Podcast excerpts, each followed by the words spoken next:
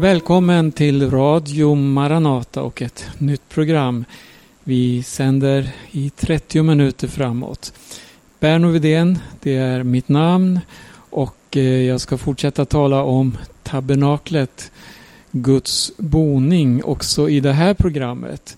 Ja, det är faktiskt del 6 i en serie som då eh, handlar om denna speciella plats som Gud designade och gav instruktioner om detaljrika instruktioner om hur tabernaklet skulle byggas och hur tjänstgöringen skulle gå till i tabernaklet.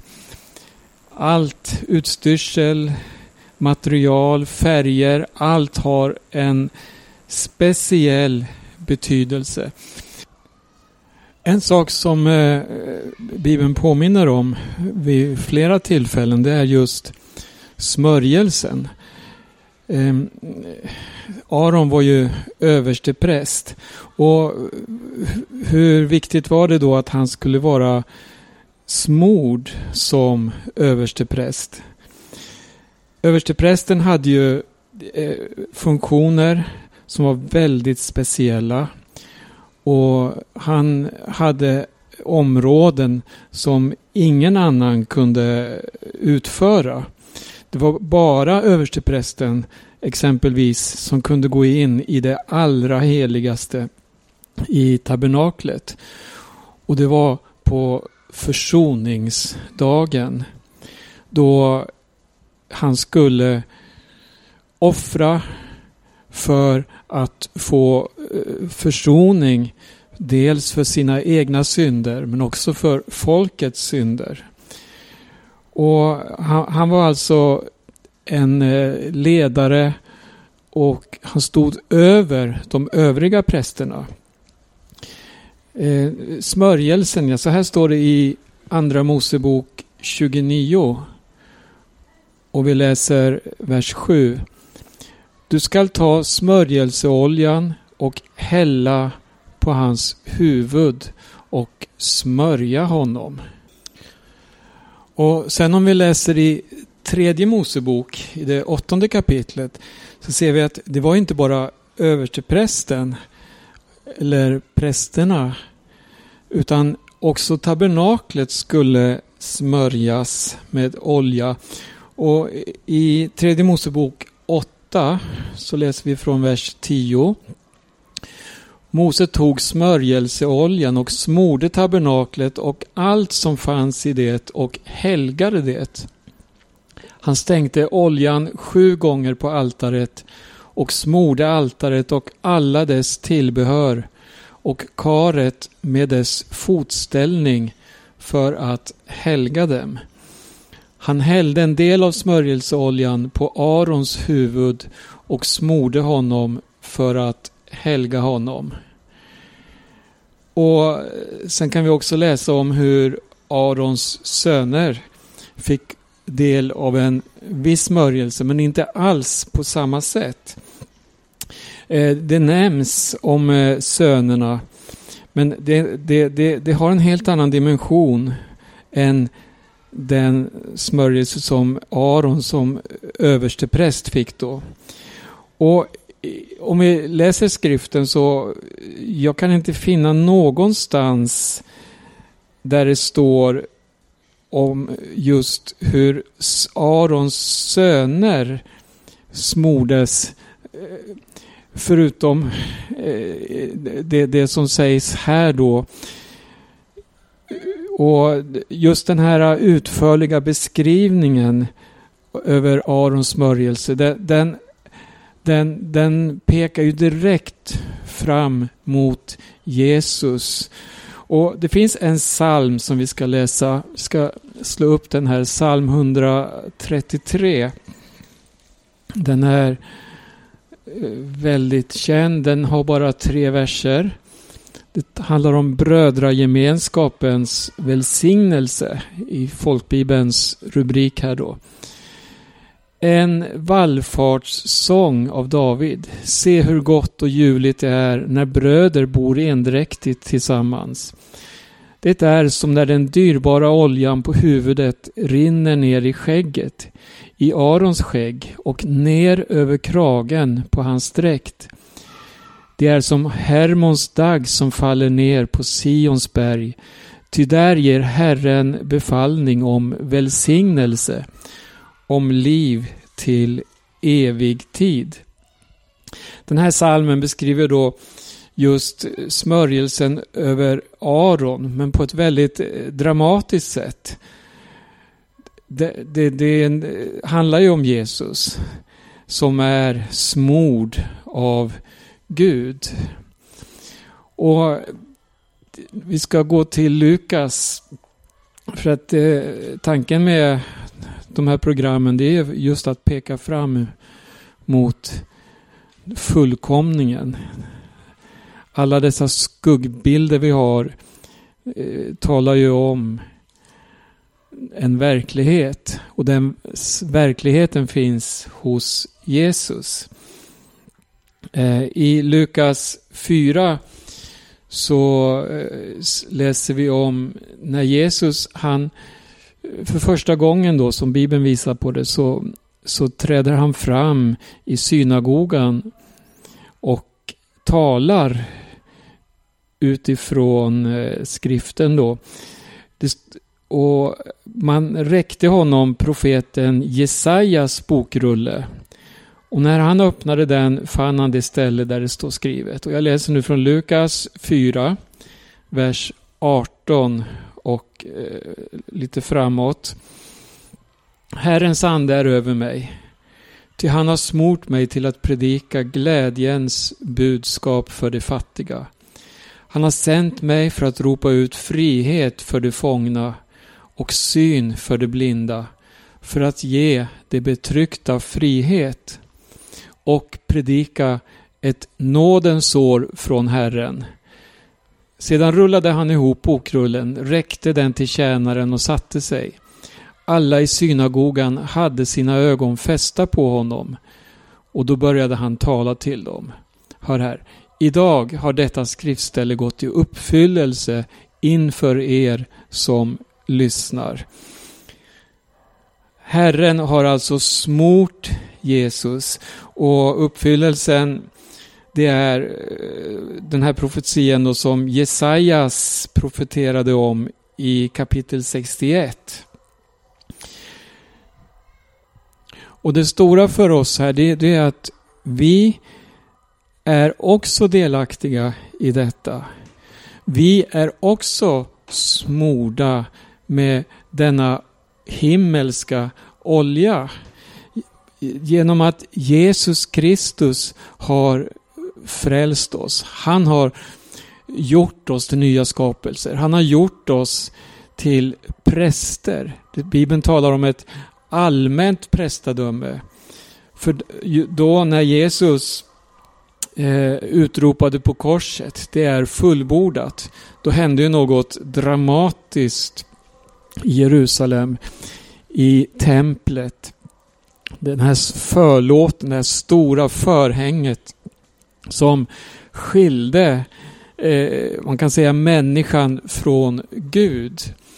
Alltså dit där ingen fick gå in förutom översteprästen en gång om året och bära fram offer för sina egna och alla människors synder. Aldrig utan blod. Du, de, de, förlåten rämnade, står det, när Jesus hängde på Golgata. Den rämnade uppifrån och ner och det var ingen människas verk. Utan den här förlåten den var ju enorm. Den var stor och tjock som en knytnäve. Och 8-10 meter hög. Nu har jag tyvärr inte måtten i minnet. Men det var en enorm sak som ingen människa bara kunde riva på det där sättet. Men det står den rämnade uppifrån och ner och det är ett tydligt bevis, ett tydligt tecken från Gud på att nu är skuggornas tid förbi. Nu har offret givits. Alltså Guds egen son har offrats. Han har gjutit sitt eget blod. Och därigenom så kan vi komma in i det allra heligaste. Vi kan komma fram till Gud genom Jesus. Och eh, han gör oss till präster och kungar kan vi läsa. Ehm, eh, det här översteprästen var ju då den som hade huvudansvaret i själva tabernaklets tjänstgöring. Och eh, vi ska titta lite på tabernaklet nu. Vi har kommit fram till eh, den här platsen som, som alltid restes upp under ökenvandringen då, mitt i lägret. Den var placerad så att alla de eh, tolv stammarna, Israels stammar, de var runt omkring tabernaklet. Och så vid ingången, där fanns prästerna som hade sin tjänstgöring. Och där fanns Judas stam, den stam från vilken Jesus kom. Det fanns en gård eh, runt eh, själva eh, tabernaklet. Och det var alltså en inhägnad.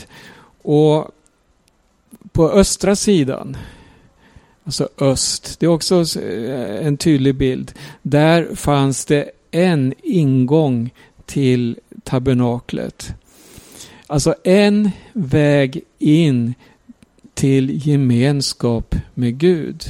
En väg in för att närma sig då Guds eh, närhet, om vi säger så. Det blev lite upprepning här. Men eh, vi ska titta på den här ingången. En ingång. Den eh, hade flera färger och den hade eh, en, eh, ett förhänge då som, eh, så, så, så, som eh, ja, hängde där som man måste ta, gå in igenom för att komma in i tabernaklets förgård. Eh, vi läser ifrån eh, Andra Mosebok 38. Och vi ska titta där från vers 18.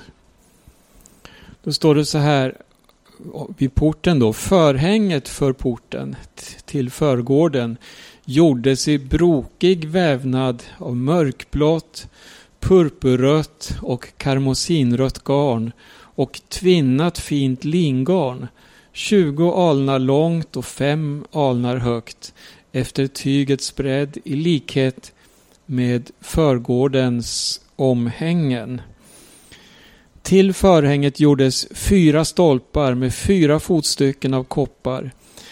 Men deras krokar och band var av silver och deras knoppar överdrogs med silver. Alla tältpluggarna till tabernaklet och till förgården runt omkring gjordes av koppar. Vi ska titta lite på eh, den här ingången då till tabernaklet, eller det här förhänget. Vi läste att det var eh, tillverkat av flera olika färger och eh, material. Och allt det här representerar tillsammans det vi kan läsa om i Johannes evangelium. Där står det om ordet. Ordet var hos Gud, ordet var Gud, står det i början av evangeliet. Och sen eh, i vers 14 tror jag det är, så står det att ordet vart kött och tog sin boning ibland oss. Alltså det, ordet som blev människa. Och eh, först var det en blå färg, det talar om Jesus som steg ner från himlen. han, eh, ja, han kom ju hit till denna jord. Guds egen son. Han lämnade himlens ära. Och Det symboliseras här i, i, i, eh, i, i, den blå färgen. Det fanns en purpur som talar om hans gudomlighet. Och det står om Jesus hur han, eh, han, han såg inte jämlikheten med Gud som något att hålla fast vid. Utan han såg kärleksfullt till människan och steg ned och blev allas tjänare. Alltså Gud blev människa. Och Det står om karmesin, rött här. Och, och, och det talar ju direkt då om hans blod. Han utgöt sitt dyrbara blod för att eh, försona oss ifrån synden, alltså återlösningen. Och för att förlåta oss från våra synder. Det var nödvändigt att, att eh, Gud blev människa för att rädda mänskligheten.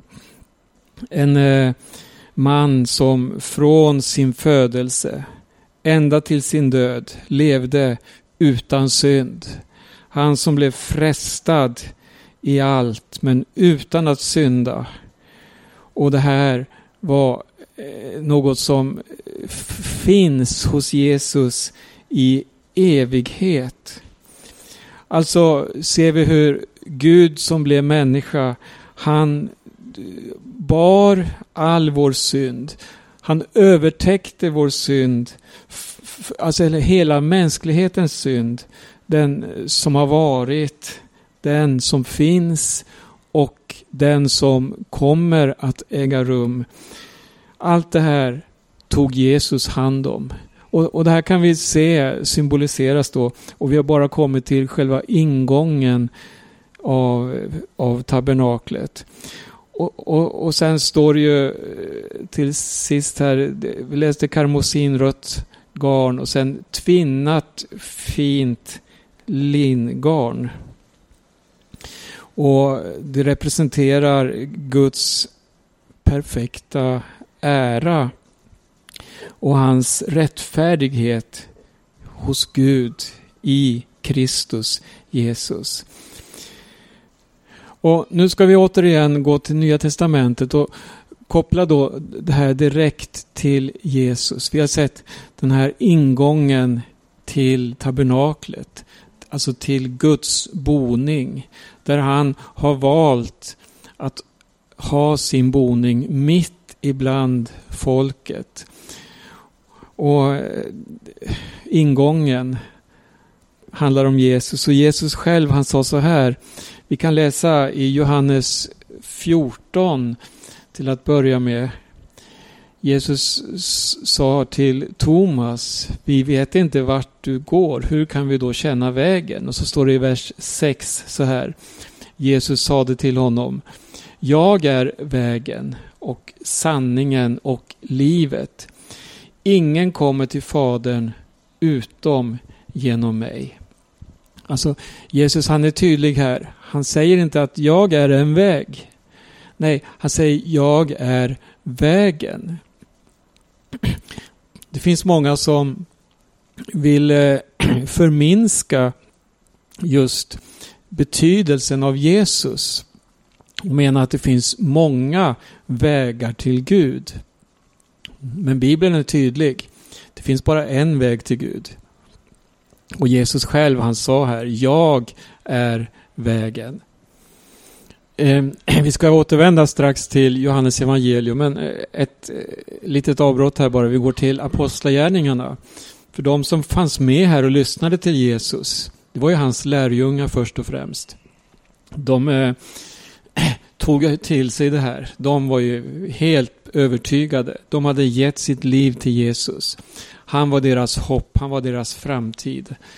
Och efter uppståndelsen och Jesu himmelsfärd och andens dop när de blev smorda av den helige ande och började predika i Jerusalem, ja då händer det stora ting i Jerusalem.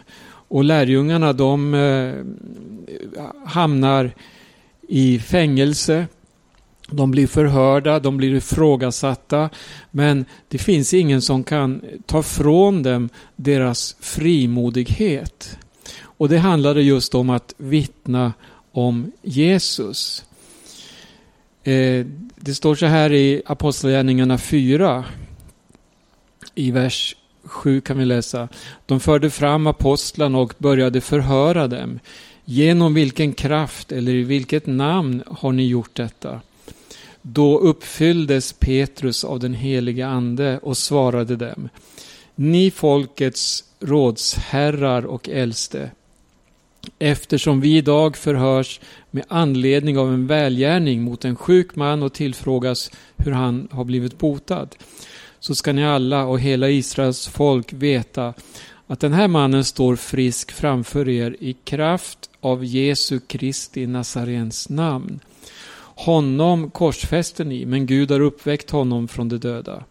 Jesus är stenen som ni byggnadsarbetare kastade bort, men som blev en hörnsten.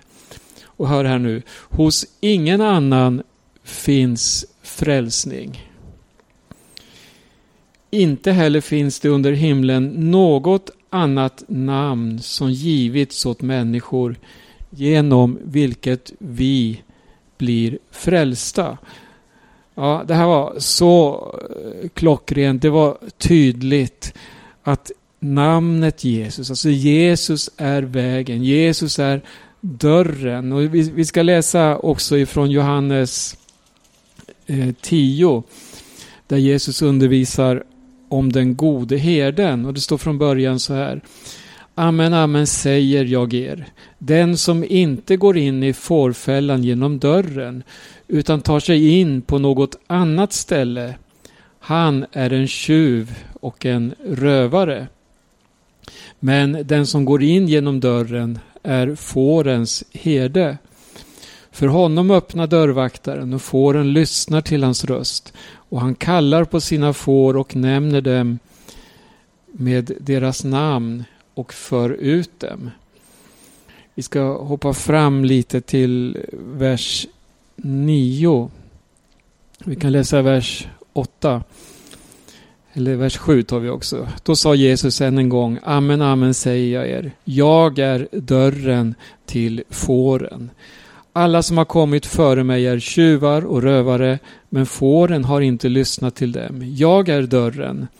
Den som går in genom mig skall bli frälst, och han skall gå in och gå ut och finna bete.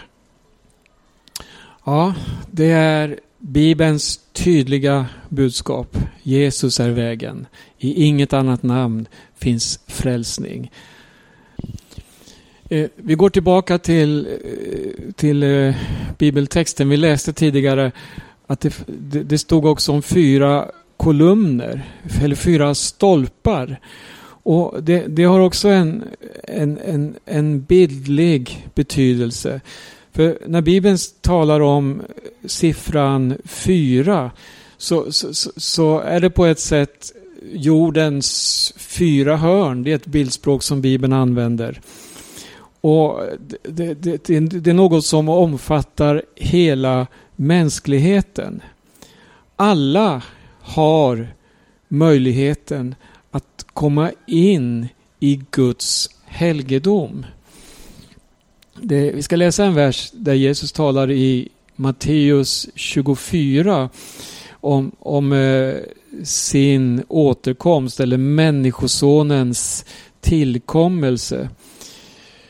Eh, det står där i vers 30, Människosonens tecken ska synas på himlen och jordens alla folk ska jämra sig när de ser Människosonen komma på himlens mål med stor makt och härlighet.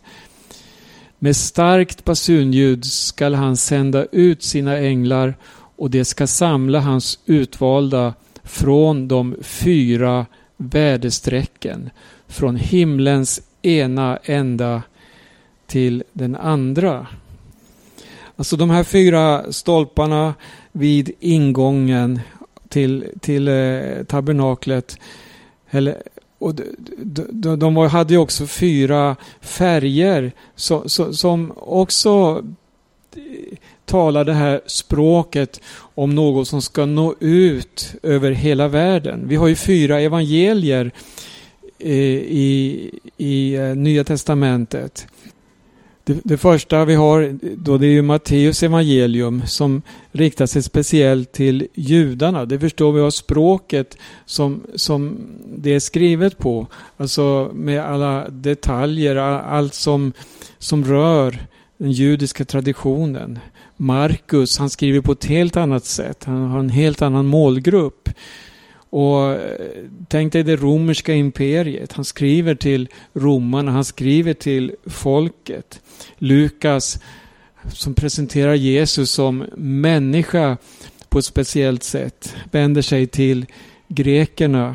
Och sen har vi Johannes där Jesus presenteras som Guds son på ett överbevisande sätt. Och eh, han skriver till församlingen Eh, vad vi kan säga, det, det, man, det, det, var ju lite kategoriskt att bara nämna de här målgrupperna. Men det jag vill få fram det är att evangeliet är menat att nå alla människor, alla folkslag på jorden. Ingen behöver stå utanför det här erbjudandet om frälsning i Jesus Kristus.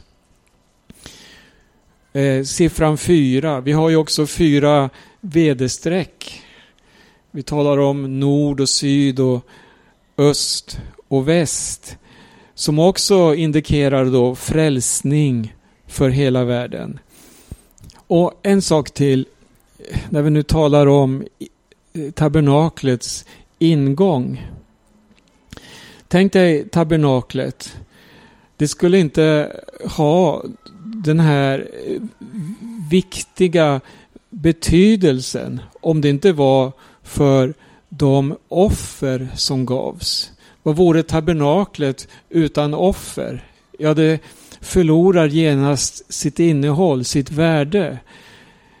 Utan offret så förloras den här möjligheten för människan att ha gemenskap med Gud. Och, och det här visas också då i, i, i tabernaklet och i den här tjänstgöringen att vem som helst som närmade sig ingången till tabernaklet skulle ta med sig ett offer utifrån den synd man hade begått. Eh, det finns många detaljer som beskrivs Eh, i hur det här skulle gå till. Men eh, vi nöjer oss nu med att eh, konstatera att alla de här offren som bars fram är ju också bilder på Jesus. Och Hebreerbrevets författare skriver så här. Vi läser i kapitel 9, vers 28 eller 27. Liksom det är bestämt om människan att hon en gång skall dö och sedan dömas, så blev Kristus offrad en gång för att bära mångas synder. Och han skall en andra gång träda fram, inte för att bära synd utan för att frälsa dem som väntar på honom. Johannes skriver att om vi bekänner våra synder, då är han trofast och rättfärdig att förlåta oss våra synder och rena oss från allt ont. Eh, till sist, eh, så en vers till, så ska vi avsluta det här programmet. Vi ska läsa i Hebreerbrevet 4 och vers 16. När vi tänker på ingången till tabernaklet så kan vi med frimodighet närma oss Guds boning, denna gemenskap med Gud. Låt oss därför frimodigt gå fram till nådens tron för att få barmhärtighet och finna nåd till hjälp i rätt tid.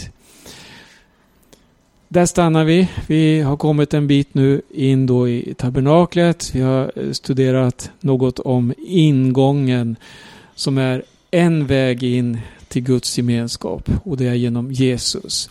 Du lyssnar till Radio Maranata. Jag heter Berno Vidén. Eh, välkommen att besöka vår hemsida som är maranata.se. Där finns det många länkar och många ljudfiler att lyssna till. Gud välsigne var och en och på återhörande. Tack så mycket.